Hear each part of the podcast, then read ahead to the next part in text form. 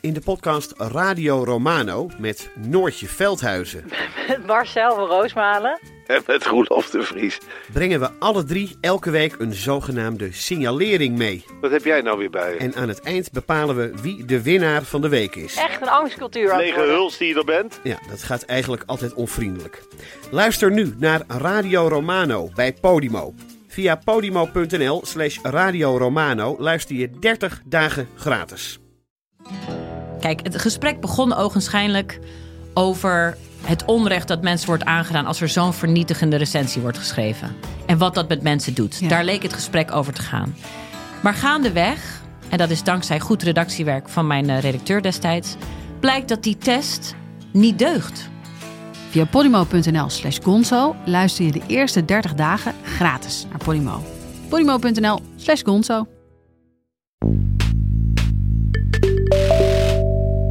Ja, voorzitter, ik merk dat de heer Omtzigt het ontzettend hoog zit en ik begrijp dat volledig. Wat hier is gebeurd is Kafka.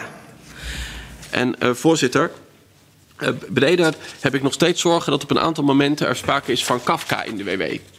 Allemaal de facto onwerkbare regels voor mensen. Dank u wel, voorzitter.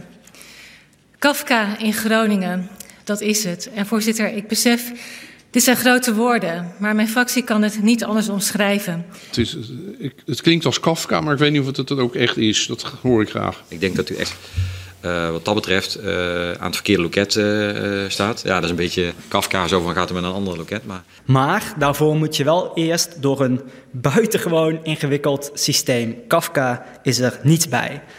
Ja, het is eh, als je erin duikt best wel een beetje eh, Kafka wat we af en toe met elkaar eh, optuigen. Eh, dit is inderdaad ook een belangrijk punt. Daar heb ik ook met de eh, Eerste Kamer over overlegd. Ben er ook over in gesprek met de Belastingdienst. Mij komt ter oren dat er soms tot acht keer toe onderhandeld wordt over een project. En dan denk ik aan Kafka, net zoals de heer Jansen. Dit is Betrouwbare Bronnen met Jaap Jansen.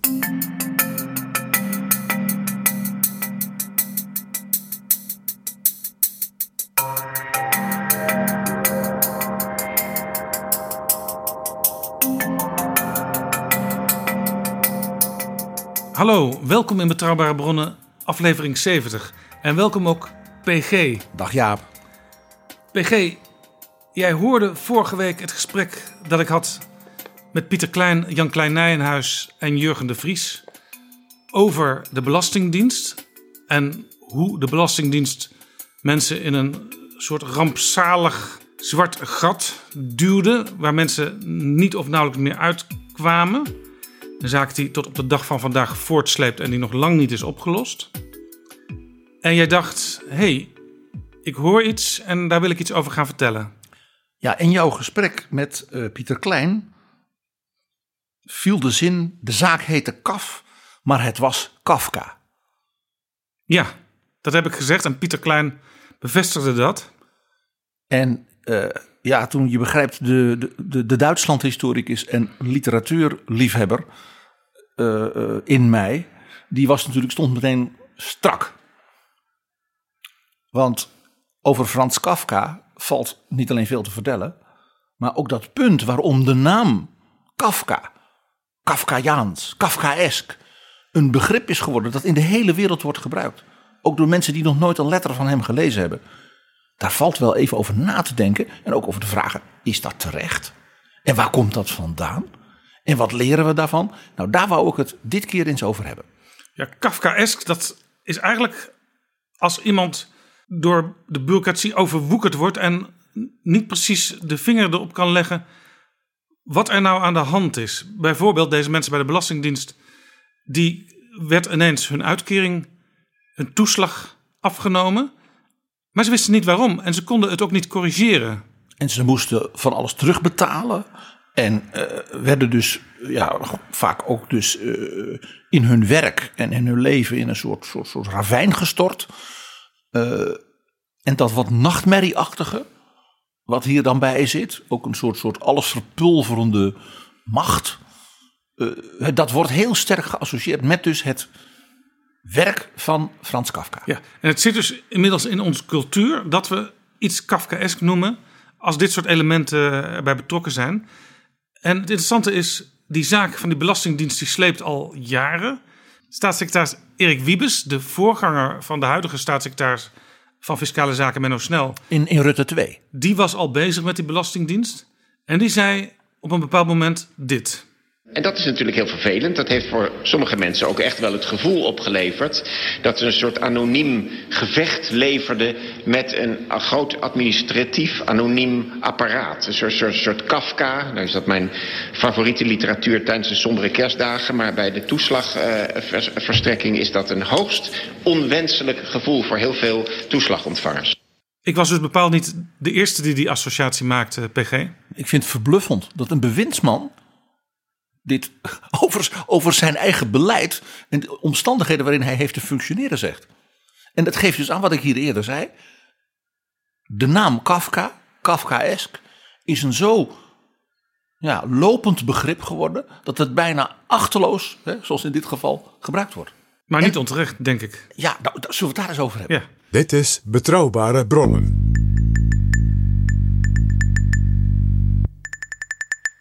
De Belastingdienst bekreunt zich nu al een aantal jaren over de zaak KAF. Ik noemde het Kafka.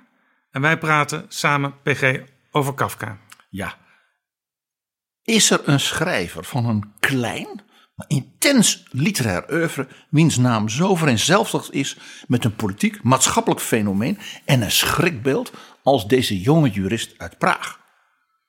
Hoe kan het ook dat hij een eeuw na zijn tijd, hij stierf in 1924, nog zo beroemd, zozeer een iconisch begrip is? Je begrijpt ook dat ik wel een beetje, een beetje in de contramine raak. Dan, het is puur Kafka. dat, dat wordt dan zo gezegd. Uh, mijn vrienden van de Club Nederland Kennisland hadden een soort interventieteam waarbij ze ministeries en organisaties hielpen met te ontbureaucratiseren. Dat noemden ze de Kafka-brigade. Ongelooflijke pakkende naam natuurlijk. Ik snap het ook wel, maar ja, maar toch. Jij vindt, maar eigenlijk, toch. jij vindt eigenlijk dat, dat, dat, dat, het, dat die naam te vaak valt als het over bureaucratie gaat? Nou, uh, het, het, is zo'n reductie. Uh, Frans Kafka is zoveel meer dan een auteur die je daarmee kunt uh, associëren. Wanneer leefde Frans Kafka? Nou, hij is natuurlijk helemaal niet oud geworden. Hij is geboren in 1883 in Praag. Was dus een jongen van het Habsburgse Rijk. Keizer Frans Jozef was toen ook al een bejaarde man. En die, die stierf pas in 1916. Toen was hij heel erg bejaard. En Praag was dus de hoofdstad van het koninkrijk Bohemen. Want de keizer van Habsburg, van Oostenrijk, was ook koning van Bohemen. Ja, hij wordt nu natuurlijk vaak door Tsjechië aan de borst gedrukt, Kafka. Maar Tsjechië bestond toen helemaal nog niet. Nee, al was het koninkrijk Bohemen wel behoorlijk uh, autonoom binnen die Habsburgse erflanden, zoals dat heette, zoals Hongarije dat ook was, en zeker sinds Slowakije ook wel. Die hadden dus ook wel een eigen politieke en culturele identiteit, maar ze vielen natuurlijk toch uiteindelijk onder de keizer. En Praag was natuurlijk vanaf de middeleeuwen uh, een hele belangrijke en grote keizerstad, een keizerlijke hoofdstad. In de middeleeuwen hadden een groot aantal van de Duitse keizers hadden Praag ook als hun residentie. Waaronder de hele beroemde keizer Karel IV in de 14e eeuw. Dus Praag had ook een enorme allure als stad, heeft het nog. En was een enorm belangrijk cultureel centrum. Uh, ook door die keizerlijke, het keizerlijke hof. En had dus een hele grote Joodse gemeenschap. Uh, voor een deel heel arm. En voor een deel middenklasse en heel rijk. Met een enorm groot cultureel leven. En heel belangrijk, dat was dus in het Duits. Ja, er is de, ook Tsjechen, een... de Tsjechen waren de meerderheid in Praag. De Tsjechisch sprekende bewoners. De Duitse minderheid was voor een deel zeg maar, de ambtenaren van de keizer. En de adellijke families rond de keizer. Maar vooral dus de Joodse minderheid. En Frans Kafka was dus een kind uit die Joodse minderheid. Ja, en Duits is ook de taal waarin hij schreef. En ik ben, wie niet, natuurlijk in Praag geweest. En daar zag ik ook de Joodse begraafplaats waar Kafka ook begraven ligt. Ja, daar ligt hij in het graf van zijn beide ouders. Die hebben de nazi-tijd gelukkig niet meer hoeven meemaken. En hij is in 1924 gestorven aan uh, tuberculose.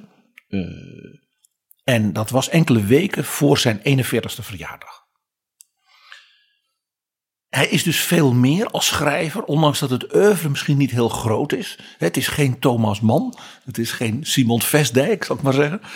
Uh, maar ja, ik noem eens gewoon een aantal van de dingen die, die van zijn werk. Ja, nog even misschien, je gaat het er waarschijnlijk ook over hebben, maar um, in de verhalen over Kafka hoor je altijd, uh, hij had een hele moeizame relatie met zijn vader, een strenge vader. En zijn moeder was vaak ziek en zwak en met andere woorden, hij moest eigenlijk het zelf een beetje uitzoeken in het leven. Dat. Uh, en hij heeft een groot deel van zijn leven in een soort uh, alkoofkamertje in het huis van zijn ouders gewoond. Hij is pas in de loop van de Eerste Wereldoorlog, toen was hij dus in de dertig, dat hij op kamers ging. En dat was omdat een van zijn jongere zussen, haar man was aan het front en die ging dus met haar kindertjes in het huis van haar ouders weer wonen. En toen moest hij dus van zijn slaapkamertje weg. Maar waarom was hij niet bij zijn vader weggegaan als hij daar zo'n moeilijke relatie mee had? Dat is een hele goede vraag.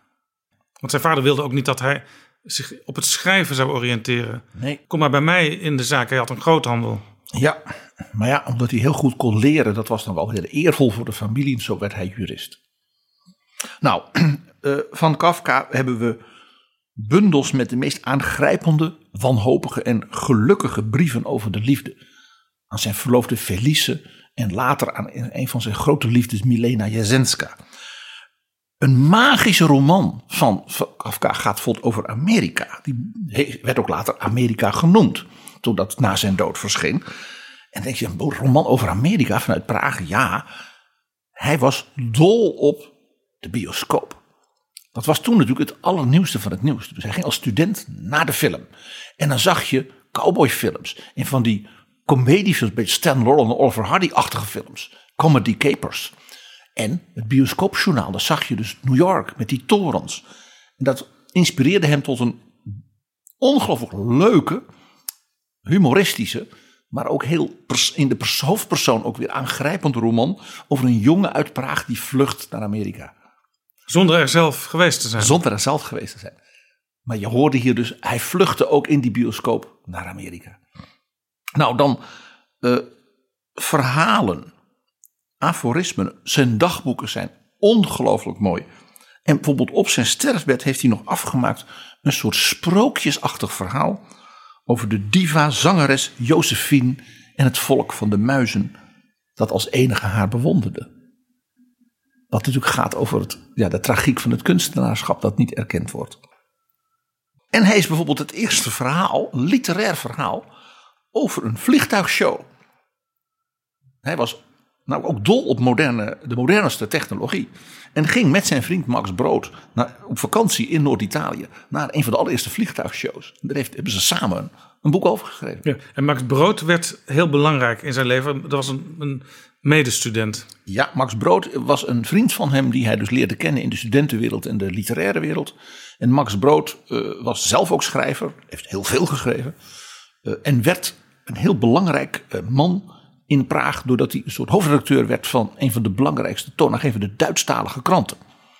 En had dus veel connecties in de literaire wereld, in de uitgeverswereld. En kon daardoor ook zijn vriend Frans Kafka, die hij zeer bewonderde om zijn literaire talent, dus ook helpen.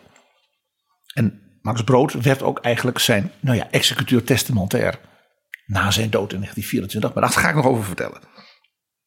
Nog zo'n ding, je had het al over de relatie met zijn vader. Zijn beroemde brief aan mijn vader. Zijn novelle, essay van 100 bladzijden. Waarin hij dus vertelt hoe hij zijn vader verafschuwt.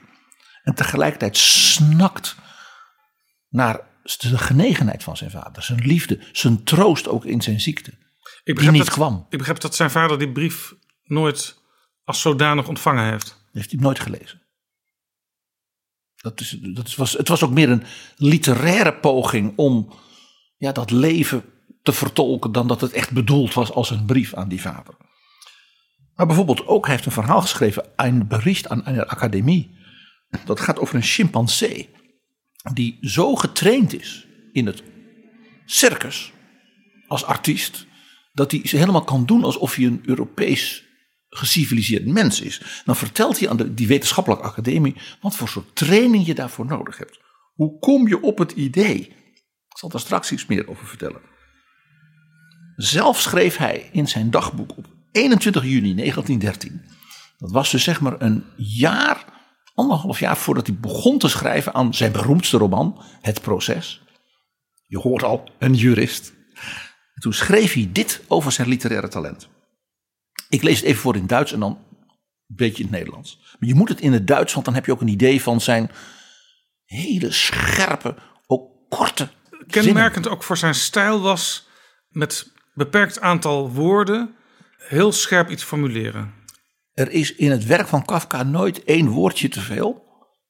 En tegelijkertijd af en toe een soort klein woordje of dingetje erbij. Dat dan als het ware ineens een, een wereld opent. Dit schreef hij over zijn eigen literaire talent en zijn drive om te schrijven.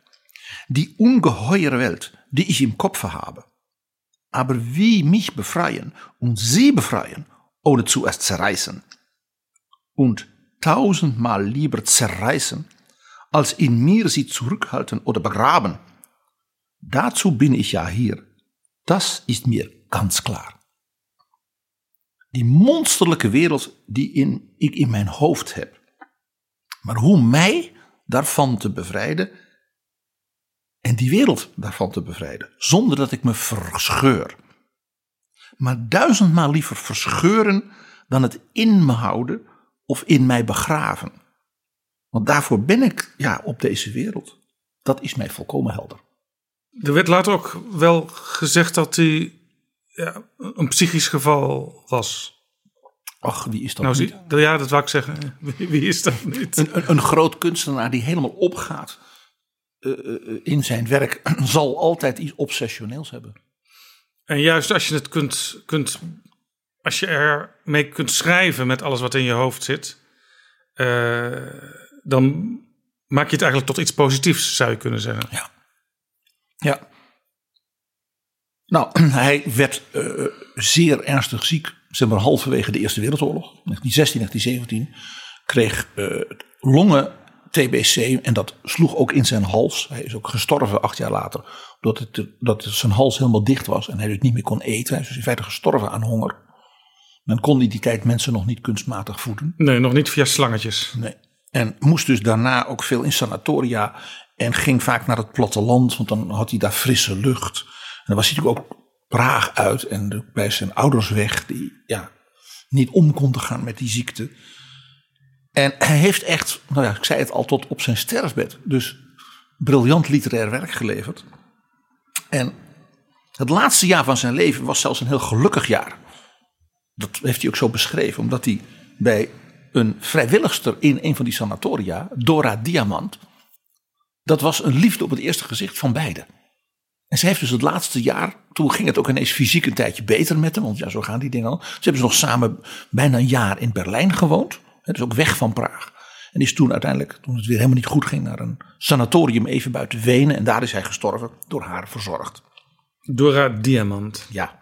Eh, uit de omgeving van Kafka, ook natuurlijk door het, de tijd waarin hij en zij leefden, zijn natuurlijk ongelooflijke verhalen over wat er met hem gebeurde. Zal ik je even kort vertellen het leven van Dora Diamant na de dood van Kafka in 1924.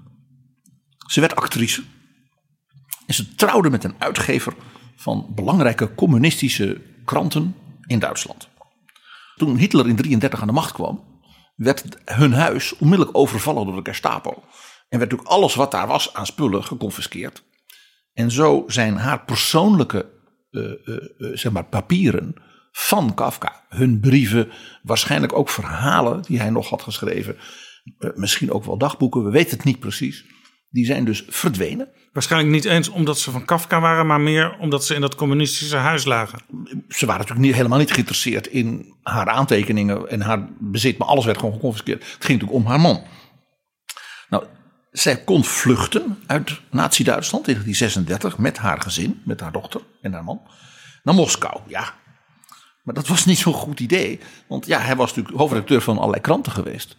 Eh, en ja, de KGB hield natuurlijk keurig bij dat hij niet in elk artikel de juiste lijn van Stalin had gevolgd. Dus hij zat nog niet in Moskou of werd daar opgepakt en in de Gulag-archipel gestopt. Ja, er is altijd wel iets te vinden als je veel geschreven hebt. En net in 36, 37 waren de grote eh, ja, eh, zuiveringen van Stalin die ja, miljoenen mensen het leven hebben gekost. En één daarvan was dus ook de, de man van Dora Diamant. Zij is erin geslaagd met haar dochtertje nog weer te vluchten, kwam in Polen terecht. Een week voor de inval van Nazi-Duitsland in Polen is zij nog weer op een boot naar Engeland gekomen. Daar is ze gebleven en is ook haar dochtertje verder eh, ja, opgegroeid. En ze heeft nog het geluk meegemaakt dat haar droom uitkwam, namelijk in 1950 is ze op bezoek geweest, ook nog bij familieleden en overlevenden in Israël.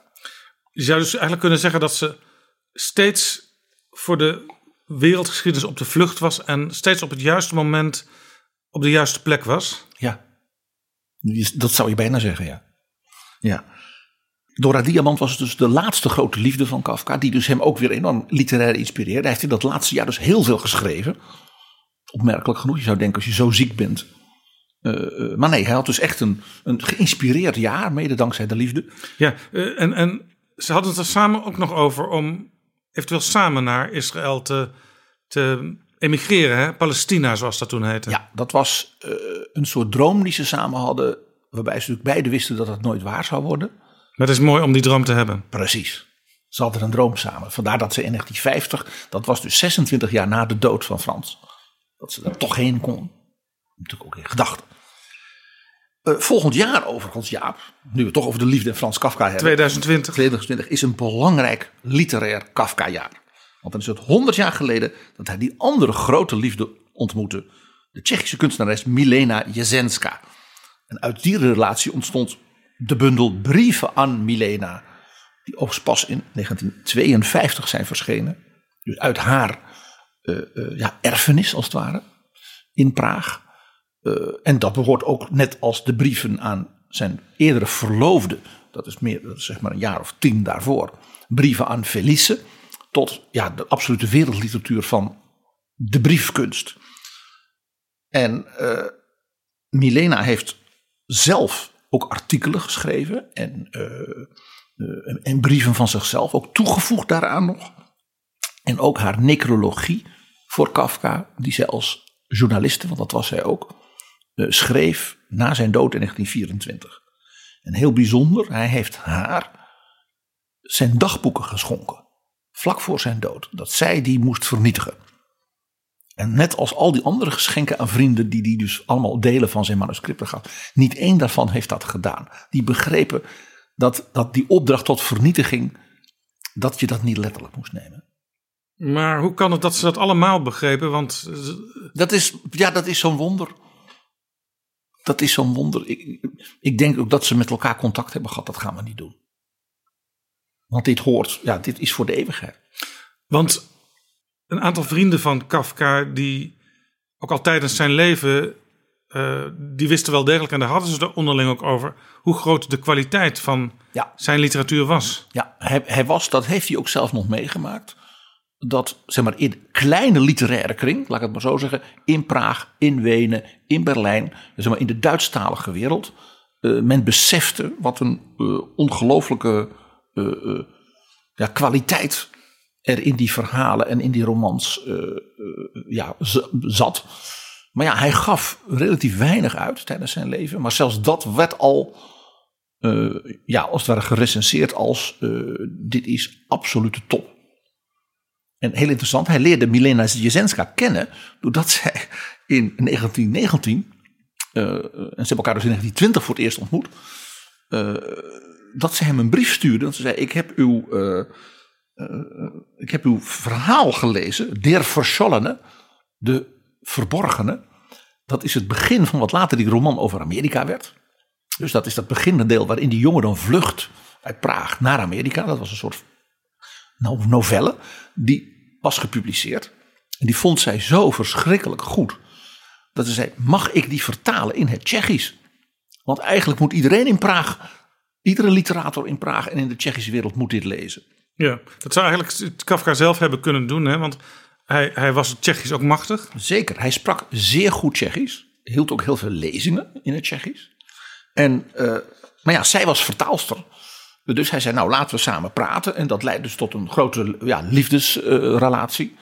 Eh, en dus dat- die prachtige brieven die ze aan elkaar hebben geschreven. En het leuke is, tijdens zijn leven is dus die vertaling verschenen. En dat is het enige boek van Kafka waarvan hij dus zelf nog heeft meegemaakt dat het in een andere taal verscheen. Dat is natuurlijk wel heel interessant. Ja, ja. overigens, hij had ehm, met verschillende vrouwen eh, relaties, eh, maar altijd tamelijk kort van duren. In die zin zou die, zou die wat we nu noemen modern genoemd kunnen worden. Dat was vooral ook vaak wel wanhopig.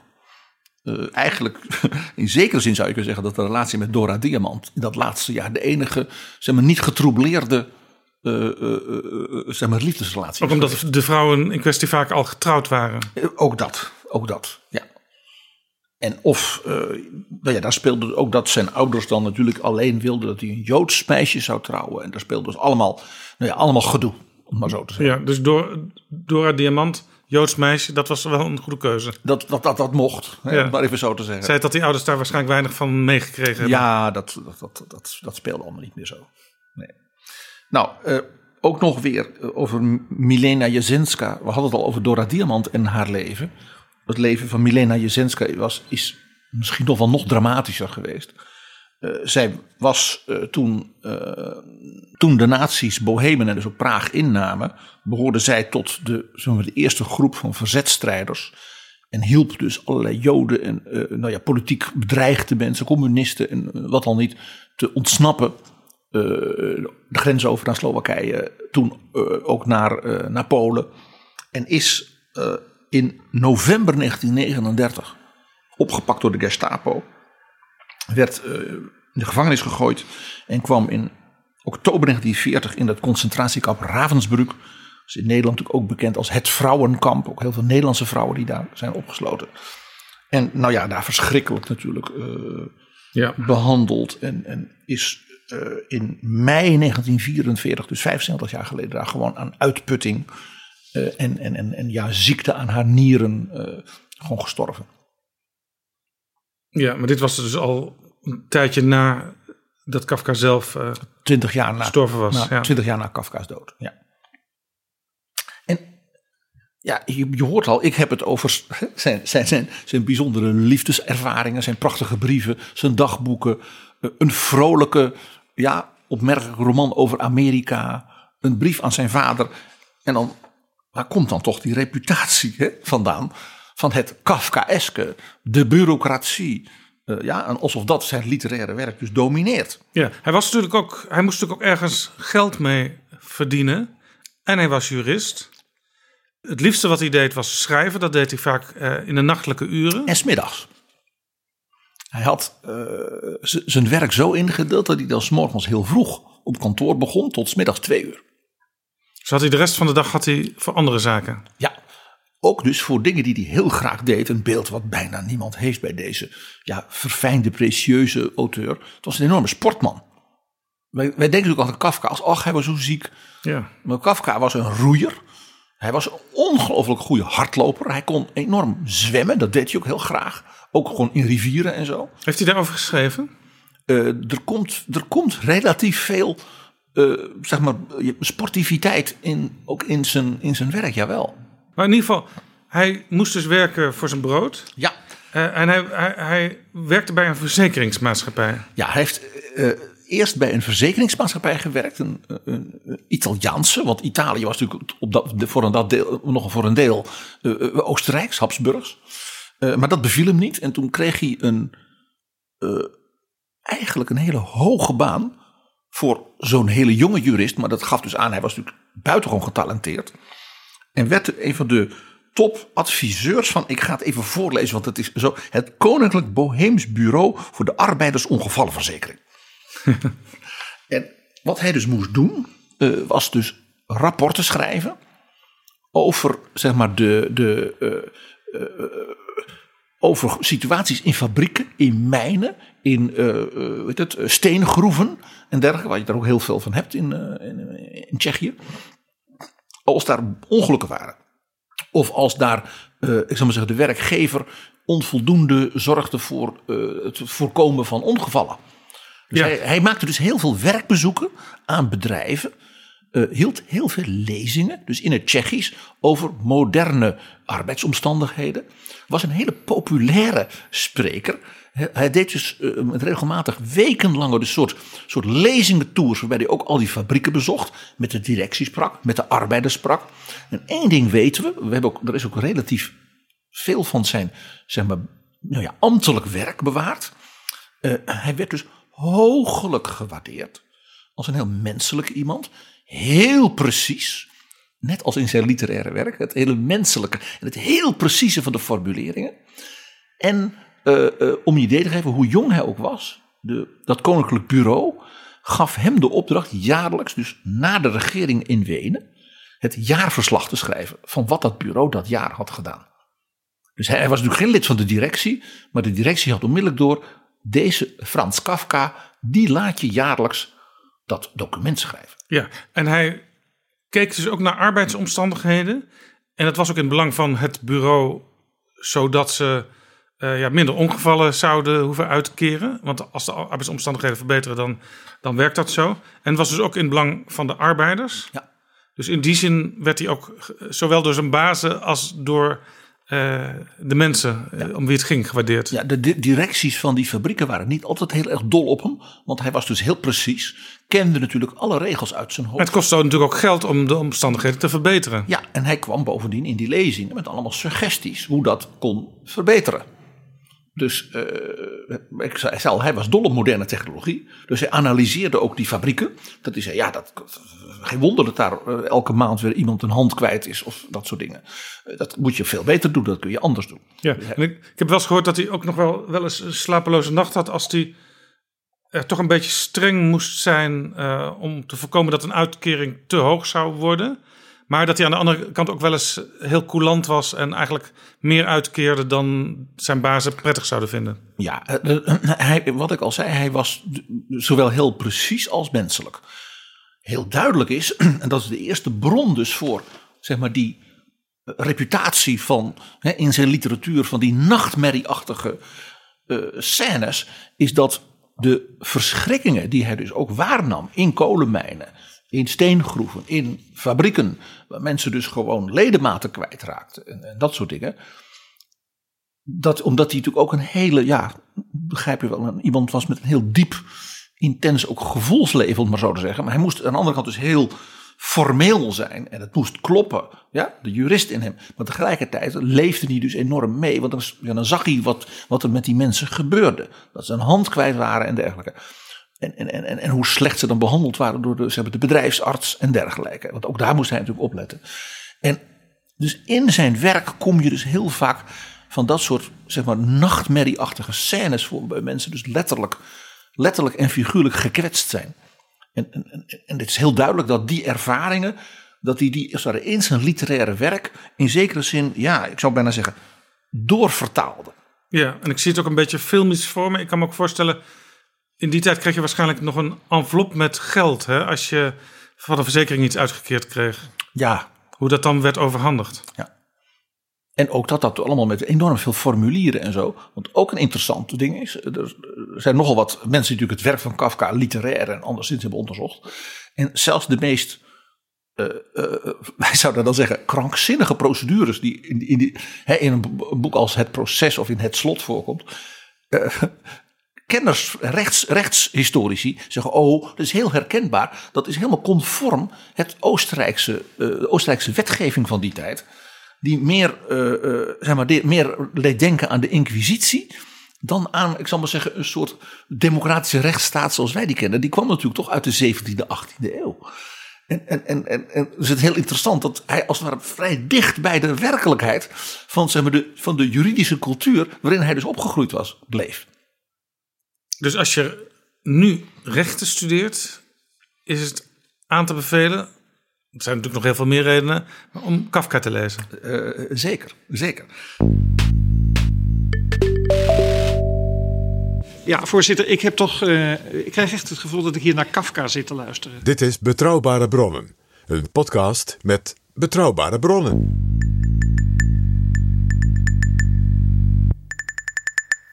Een tweede belangrijk element, waardoor, laat ik zeggen, die, die, die, die, die reputatie van het Kafkaeske eh, is ontstaan. Hij was zich natuurlijk zeer bewust als jonge Joodse topjurist, intellectueel schrijver, dat in een wereld waarin het antisemitisme alledaags was, dat je leven altijd precair is. Eh, We weten dat hij als jongen heeft meegemaakt dat er een grote soort pogrom in Praag was. Bij alle winkelruiten werden ingegooid van Joodse winkels en dergelijke. En dat dat op hem als kind, eh was zeg maar een jaar of tien, eh, dus ongelooflijke indruk had gemaakt. Dat dat, En dat was de, dus, de wildheid dat, dat was dus tientallen jaren voordat in Duitsland de Kristalnacht plaatsvond. Maar natuurlijk, natuurlijk.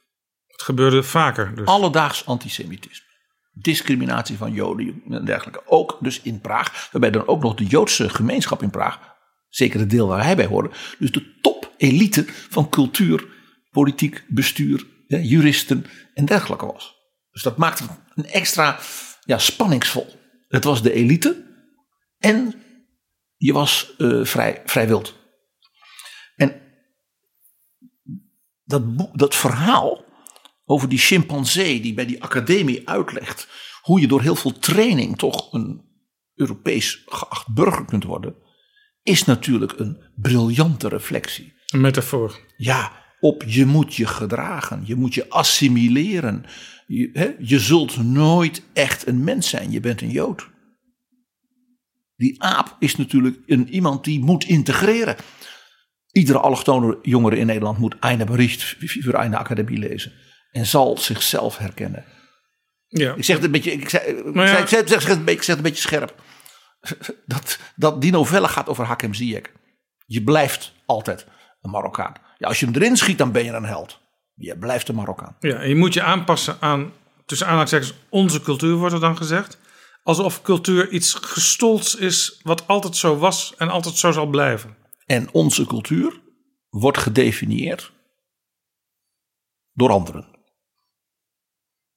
Jij wordt niet geacht daar zelf een bijdrage aan. Nee, het is niet eh, de bedoeling dat jij als nieuwkomer ook bijdraagt aan die cultuur en die cultuur verrijkt. Je bent en blijft een aap.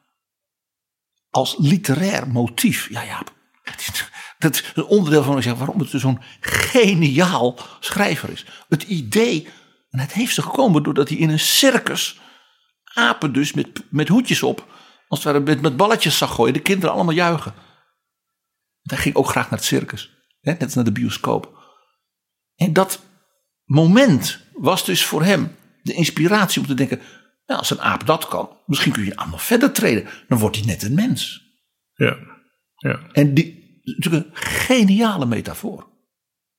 Doet mij overigens ook weer denken aan iets heel anders, namelijk de dressuur in de nazietijd van in feite het hele volk. Ja. Allemaal dezelfde kant uit marcheren. Ja. In hetzelfde tempo. Ja. En er is maar één die het dicteert wat dat is. Ja. Een tweede element wat hierbij hoort, eh, dus dat besef van hoe precair eh, het leven is voor mensen die niet helemaal zijn zoals de rest vindt dat ze moeten zijn, is natuurlijk zijn fascinatie met de nieuwste technologie. In relatie tot dus die technologie, hè, denk aan die fabrieken, denk aan die mijnen, dat die als je niet oppast, als er dus niemand is zoals hij, zo'n jurist van de ongevallenverzekering, volkomen onmenselijk kan worden. Mensen zijn object van technologie. En object dus van ook door technologie gedreven beheersing. Eh, en dat dat dus gruwelijke aspecten kan hebben als het niet menselijk is. En dat het dan ook geen end krijgt. Technologie kan doordrammen en doordrammen en doordrammen. Nou, als iets natuurlijk in deze tijd. Denk aan de Oeigoeren. Denk aan artificial intelligence, gezichtsherkenning en wat al niet. In, in, denk aan Noord-Korea. Ja, en denk ook aan op zichzelf en in beginsel heel prettige dingen als Google, Facebook. Wij worden de hele dag achtervolgd als we op internet zitten door reclames die op ons gericht zijn. Eh, ik, ik zie de hele dag truien en overhemden waar ik eens een keer naar gezocht heb. eh, die ik al lang wel of niet gekocht heb, maar waar ik ook niet meer elke dag aan herinnerd wil worden. Die zie ik elke dag weer oppoppen. De discussie in Europa over het normeren van Google, Facebook en dergelijke. Kent zijn literaire vertolking in het werk van Frans Kafka. Met als meest gruwelijke en meest indringende voorbeeld is zijn verhaal In der Strafkolonie. Nou ja, het woord al, ook alweer die korte titels. In de strafkolonie. Het gaat over een, een, een man die als een soort inspecteur op bezoek komt in een strafkamp. En de chef van dat strafkamp is, is bezorgd, want er komt een nieuwe directeur. En ze hebben in dat strafkamp allemaal innovaties doorgevoerd, technologisch. En zou die nieuwe directeur daar wel mee instemmen? En als zo niet, dan was hij zijn baan kwijt. En dus die inspecteur die. En je begrijpt, dit is Kafka zelf natuurlijk, hè, die bij, in die fabrieken dan als inspecteur van die ongevallenverzekering kwam. En dat zijn dus innovaties, nieuwe, nieuwe, nieuwe machines. Ze hebben dus een nieuwe machine om de gevangenen, dus op een vakkundige manier, zonder bloedvergieten, zonder dat iemand iets hoeft te doen, te vermoorden. En de lijken worden zelfs helemaal als het ware in een soort, soort vleesmachine verwerkt. Dus, dus het is gruwelijk. En hoe worden ze gestraft? Door het wetsartikel wat ze hebben geschonden in hun huid te tatoeëren. Ah. Ja, nou, je begrijpt dat voor velen dit als een soort angstwekkende profetie. Het is bijna een spoorboekje voor wat er later gebeurde. Uh, uh, ja, zelfs die tatoeages. En het verbluffende in literaire zin is hoe Kafka, dus in 40, 50 bladzijden, op een volkomen rationele manier, ja, helemaal, het is echt helemaal doortimmerd. Je ziet gewoon in, dat is dat is ongeheure in mijn kop, ja. Dat monsterlijke in mijn hoofd, dat die dus uit zijn. Want ik kan dit niet anders zien dan, dit was ook zo'n verwerking van uh, dat werk bij de ongevallenverzekering. Dat is uit, er komen nog mooiere machines. Nog beter. Zijn fascinatie voor technologie, voor vliegtuigen, voor de bioscoop, dat was toen allemaal heel nieuw. Dat hij als het ware dat doordreef ja, in mijn kop. En dan dus bedenkt een machine die dus gewoon voor ontmenselijkte regimes alles kan. En dat, beschrijft hij dus, dus helemaal niet in een soort, soort, soort emotionele. Het is allemaal heel droog. De, jurist. Heel precies. En alsof het de normaalste zaak van de wereld is, wat het ook is. In volkomen ontmenselijke, machinale samenlevingen. Je doet dat, want dat kan. En van zo uitschrijft hij dat. Allemaal keurig opgeschreven. Met een soort logica. En daarom dus ook zo dwingend. Zo dwingend uh, om te lezen. Nou ja, een tweede is dat toen zijn werk natuurlijk werd gepubliceerd. Tijdens zijn leven is er dus niet zo heel veel gepubliceerd. Meestal wat kortere verhalen en dergelijke. Maar zeer geprezen. Na zijn dood heeft dus zijn vriend Max Brood de manuscripten die hij dus niet verbrandde. Ja, bewerkt. En een aantal van, daarvan als romans. Het proces, het slot, uh, Amerika. Dus ook als romans uh, uh, laten verschijnen in Praag in de jaren 30. Ja, en als je het naast elkaar zet, is het een eigenlijk een smal boekenplankje. Ja, ja. In bladzijden zijn zijn brieven en dagboeken wijs ik bijna meer bij elkaar opgeteld dan de verhalen en de romans. Ja, die romans die zijn overigens tijd geleden bij Querido gebundeld en heel mooi uitgegeven. Ja. En kijk, die, die boeken verschenen zeg maar in de jaren dertig. werden dus in literaire kring als ja, de meesterwerken erkend. Uh, zoals we dat in de decennia sindsdien ook eigenlijk de voorbije honderd jaar zijn gaan zien. Nadeel was natuurlijk dat in de markt voor Duitse literatuur uit Praag was natuurlijk beperkt. Want ja, Nazi-Duitsland had natuurlijk een sterke censuur. Oostenrijk kreeg dat ook. dus ja, het was Duitsstalig Tsjechië Zwitserland en de mensen hier bijvoorbeeld in Nederland en andere landen die wel Duits lazen. En dat was het dan. Uh, Kafka was zo onbekend dat in 1935, toen een aantal van die boeken waren gebundeld, is er een soort reeksje van vijf delen verzameld werk. En dat is uitgegeven in Berlijn Bij Schokken, zoals dat die firma In heet. 1935. 1935. En de nazi's hebben het gewoon goed gevonden. Want Kafka klinkt Tsjechisch en niet heel Joods. En ze wisten dus helemaal niet wie Frans Kafka was. Laat staan dat hij Joods was. Zijn werk kreeg echt enorm veel, eh, ja, zeg maar, wil maar zeggen, warme lucht onder de vleugels. Na 1941, 42. Eh, eh, heel belangrijk is geweest, onder andere dat eh, eh, de centroman Het Slot is vertaald in Amerika, in het Engels, met een aanbevelingsvoorwoord van Thomas Mann. Waarin Thomas Mann dus hulde brengt aan Kafka als een jong gestorven, eh, ja, onvergetelijk literair genie. Ja, Thomas Mann had het snel door. Ja, en dat zegt wat, want Thomas Mann was niet zo erg complimenteus voor andere schrijvers. En dan zeg ik het netjes. Maar eh, dit betekende dus in Amerika een enorme aanbeveling onder het, zeg maar, het literair belangstellende publiek. En het was dus in Ja, want Thomas Mann die had veel invloed in Amerika. Hij woonde daar en werd, eh, deed al die lezingen. The greatest living author werd hij daar genoemd. En dus dat was een, dat was een soort eerste doorbraak, Engelse vertaling, van dus een roman van Kafka. En die Schockenbooks, Schockenbücherei uit Berlijn, die was inmiddels gevlucht naar New York, die uitgever, met een aantal van zijn mensen. En was daar dus gewoon opnieuw begonnen. En had dus een kleine Duitsstalige en ook Engelstalige uitgeverij in New York.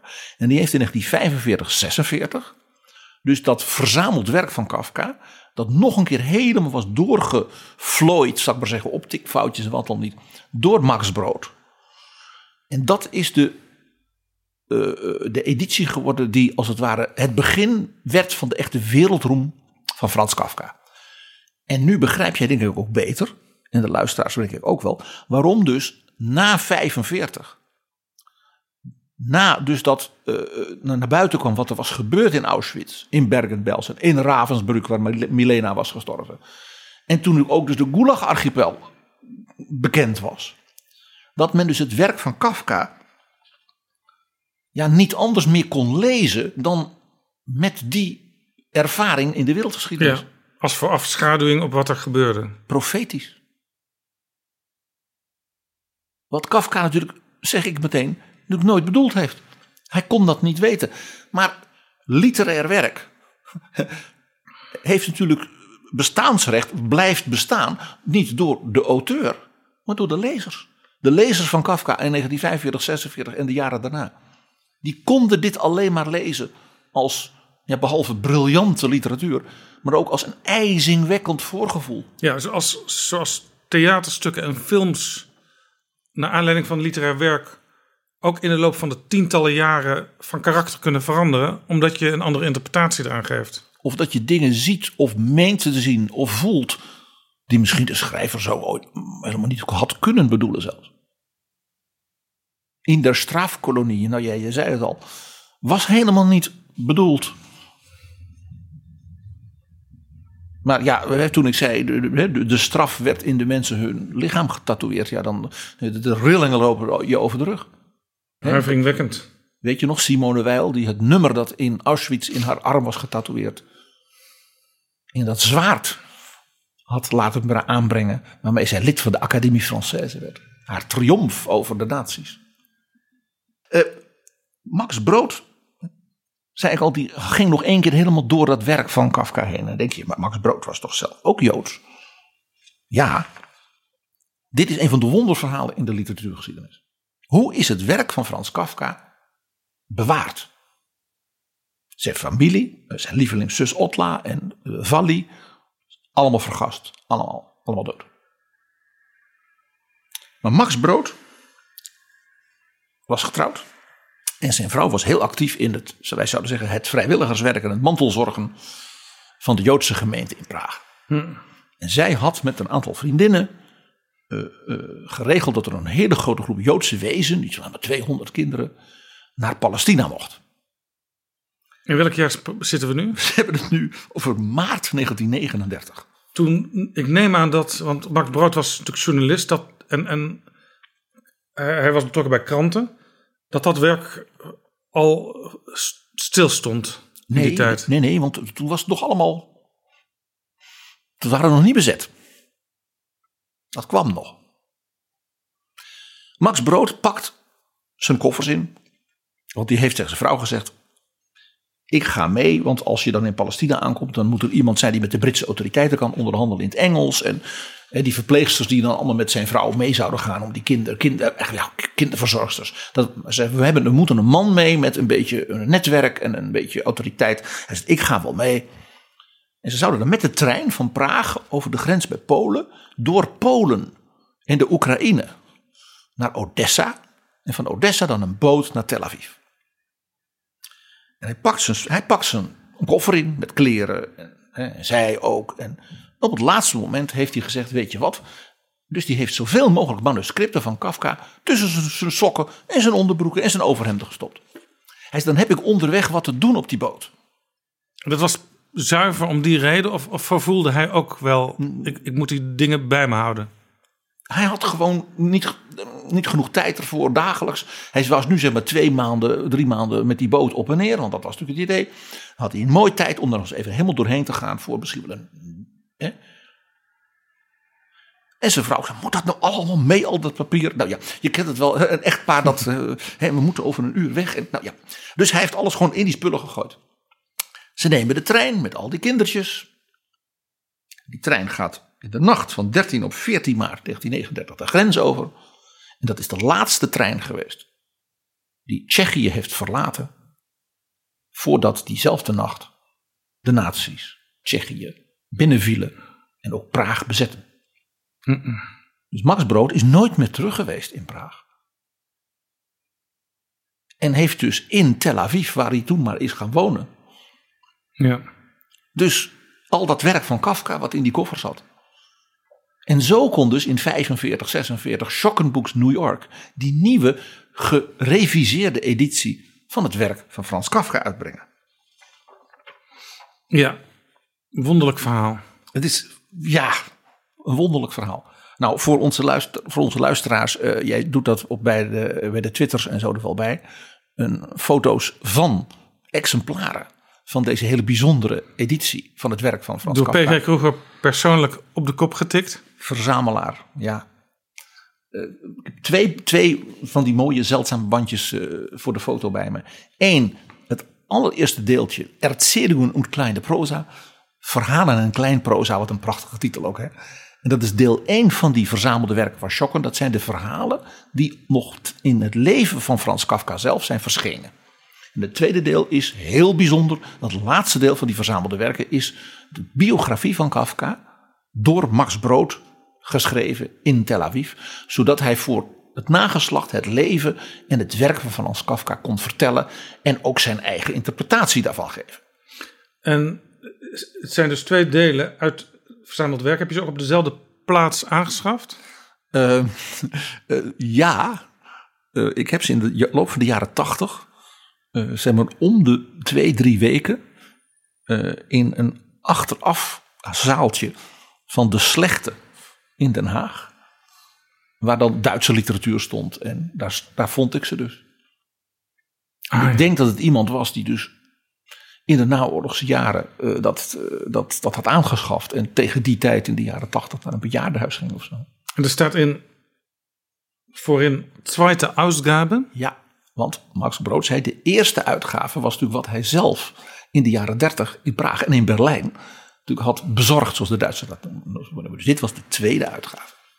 Dus er zit ook altijd een nachtwoord bij. Het is heel Duitse literatuur. Nachtwoord zoet eerste Ausgabe en nachtwoord zoet tweede Ausgabe. En er staan altijd wat correcties ook vermeld. Zeker ook dus dingen die hij verkeerd had gelezen in het handschrift van Frans enzovoort. En ja, nou je toch hebt over mijn verzamelgekte. Eh, ik ben in december 2013 tussen kerst en oud en nieuw eh, bij vrienden in Duitsland gaan logeren. Zodat ik met de trein naar Stuttgart kon en daar met een boemeltje naar het kleine dorpje Maarbach. Even buiten uh, Stuttgart, zeg maar in het dal van de Neckar. En dat kleine dorpje Maarbach, daar is een gigantisch museum. Het Museum van de Duitse Letterkunde. Want Maarbach is het geboortedorp van Friedrich Schiller. Ah. En dat was toen nog niet eens zo heel lang open. Dat is na de hereniging van Duitsland. Helmut Kool bevorderd dat dus de literaire verzamelingen in de DDR en de Bondsrepubliek. dat het gezamenlijk iets werd voor heel Duitsland. Een schitterend museum. Ga er alsjeblieft allemaal heen. Met het boemeltreintje. Met het boemeltreintje. En daar was een tentoonstelling zoals je die in je hele leven maar één keer te zien krijgt. De Universiteit van Oxford en dat archiefmuseum in Maarbach hebben beide een deel van het manuscript, dus door Kafka zelf geschreven manuscript, van het proces. Der proces. Een derde is in Oxford, twee derde in Duitsland. Met oog op een wetenschappelijk nader weer onderzoek en wat al niet, heeft men toen dat, die twee bij elkaar gebracht en in dat museum in zijn geheel alle bladzijden vertoond. Vanaf bladzij 1 tot het eind. Dus je kunt ze, als je daar de tijd voor nam, kon je ze allemaal lezen. Al die pagina's één voor één. Helemaal, in het handschrift van Kafka. En verbazingwekkend. Bijna geen doorhalingen. Het is alsof hij het gewoon in één keer heeft geschreven. En er was iets bijzonders mee, hè? Uh, met die tentoonstelling. Ja, want uh, dit leidde onder andere door heel precies onderzoek uh, tot een herindeling van het boek. Bepaalde hoofdstukken werden in volgorde veranderd. En dus ze lieten dus zien, is heel duidelijk, heel precies, bij elke bladzijde werd gezegd in de eerste editie van Max Brood hè, was dit dus hoofdstuk 2, bladzijde 13. Maar volgens ons is het hoofdstuk 5, bladzijde 14. En konden ze dat bijvoorbeeld via onderzoek van uh, de, hoe oud de inkt was en het handschrift. Het papier? Ja, ja helemaal. helemaal. Zo, zo gedetailleerd was het onderzoek. En omdat Kafka, het, die gebruikt natuurlijk papier van zijn, voor zijn juridisch werk, waar hij thuis ook zat te schrijven. Dus uh, hij schreef altijd beide kanten van het blad. Dus dat hadden ze prachtig gedaan. Ze hadden dus de bovenkant was uitgelicht. En dan was er een hele, hele grote spiegels. Waardoor je als het ware het blad aan de onderkant, was ook mooi uitgelicht, ook kon lezen. Dus ik heb daar als liefhebber en zeg maar rustig als literair pelgrim. Dus gewoon van bladzijde 1, dus de hele roman als het ware in het handschrift van Kafka, zoals hij het zelf had opgeschreven, die middagen en die nachten. Hij heeft het in heel korte tijd, die roman geschreven. Dus je, je kon het helemaal volgen. Zijn denkproces, zijn schrijfproces. Uh, Jaap, dat is echt wat je Ja. once in a Ja. lifetime. En als je die verhalen hoort, hoe, hè, het leven van Milena, het leven van Dori, Dora Diamant, al die hè, zusjes van Kafka, allemaal vergast. Max Brood met die trein, de allerlaatste trein. Het is dus een godswonder dat het allemaal toch nog een beetje is bewaard. Ja, ja, en alles wat daar dus lag in dat museum, in die tentoonstelling, dat is ook ooit door de handen van Max Brood gegaan. Ja. Alleen hij zag niet meteen dat het niet helemaal de volgorde was. Hij, hij, het zat in die koffer en hij moest dus, ja, het is hem vergeven. Eh, een heel bijzonder verhaal is wel wat er is gebeurd met de boekenverzameling van Kafka zelf. Hij had natuurlijk veel literaire boeken. En eh, daarbij waren veel exemplaren, ook opdrachtexemplaren. Dus andere schrijvers die Frans Kafka, die ze zo bewonderden of met wie ze bevriend waren, dus een exemplaar met een opdracht gaven. Dus toen hij stierf in 1924, heeft zijn zus Otla, dat was zijn lievelingszus, daar zijn ook heel veel later brieven weer van gevonden. Dus brieven aan Otla is ook een klein bundeltje brieven, zeer aan te bevelen. Heel veel humor. Eh, eh, en eh, die zus Otla heeft ze bewaard. Dat kon ze niet wegdoen. En toen eh, zij gedeporteerd en vergast werd, eh, was natuurlijk de eigendommen van de familie Kafka van haar allemaal geconfiskeerd. Want wat de nazi's deden, eh, was dat ze dus in steden als Praag en dergelijke, de, de Joden werden weggevoerd, dat hun eigendommen werden als het ware tot eigendom van de staat verklaard en uitgedeeld, dus in Duitsland, aan bijvoorbeeld gezinnen in Hamburg eh, ja, en dergelijke, waarvan de huizen gebombardeerd waren. Dus die kregen dan de meubeltjes en de spullen van dus gedeporteerde Joden. Ja, voor zover het natuurlijk eh, mocht, hè, want boeken kan ik me voorstellen dat die gewoon verdwenen.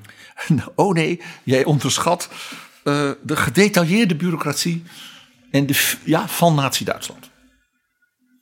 Het is bijna een beetje verhaal wat Frans Kafka had kunnen bedenken. Nee, ook zijn boeken werden dus keurig gerubriceerd in dozen. En dus opgeslagen, zodat ze hè, later zouden kunnen worden uitgedeeld. Bijvoorbeeld aan gezinnen waarvan de bibliotheek was verbrand. Nou, eh, dat is dus opgeslagen. Er is nooit meer iets mee gebeurd. En vele, vele, vele jaren later op een hooizolder in een boerderij in Beieren, waar dus een heleboel van die dozen waren opgeslagen, ontdekte men dat dat dus dozen waren van, met boeken uit Praag. Want, de- want eh, er werd gewoon zo'n zo'n zolder van zijn boerderij werd gevorderd. Ja. Voor de opslag. Ja.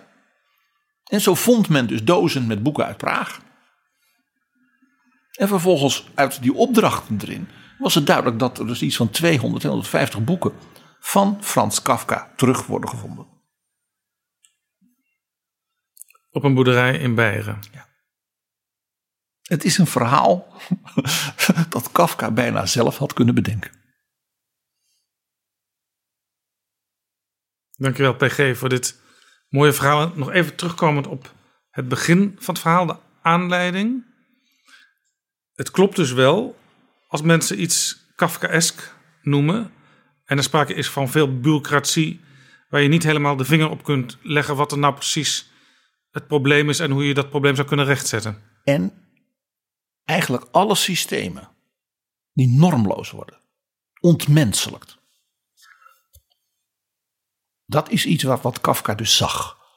Waar hij misschien ook wel in zijn eigen werk merkte dat hij zelf ook moest oppassen. Dat je als mens blijft, die mensen blijft zien als mens. Die arbeiders die een been kwijt waren, die een, hè, een halve hand kwijt waren. Ja, dus Ja, dat- je moet de wetten ja. toepassen, maar je moet mens blijven. Ja.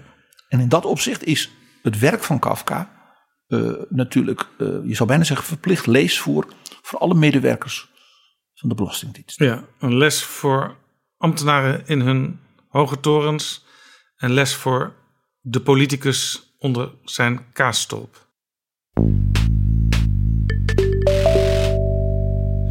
Ja, voorzitter, dank u wel. Wat we vanmiddag eh, hier gedemonstreerd hebben gekregen is natuurlijk Kafka puur sang. Ieder achter zijn eigen loket en vooral niet eh, de bereidheid om gezamenlijk als regering gewoon een oplossing eh, te forceren.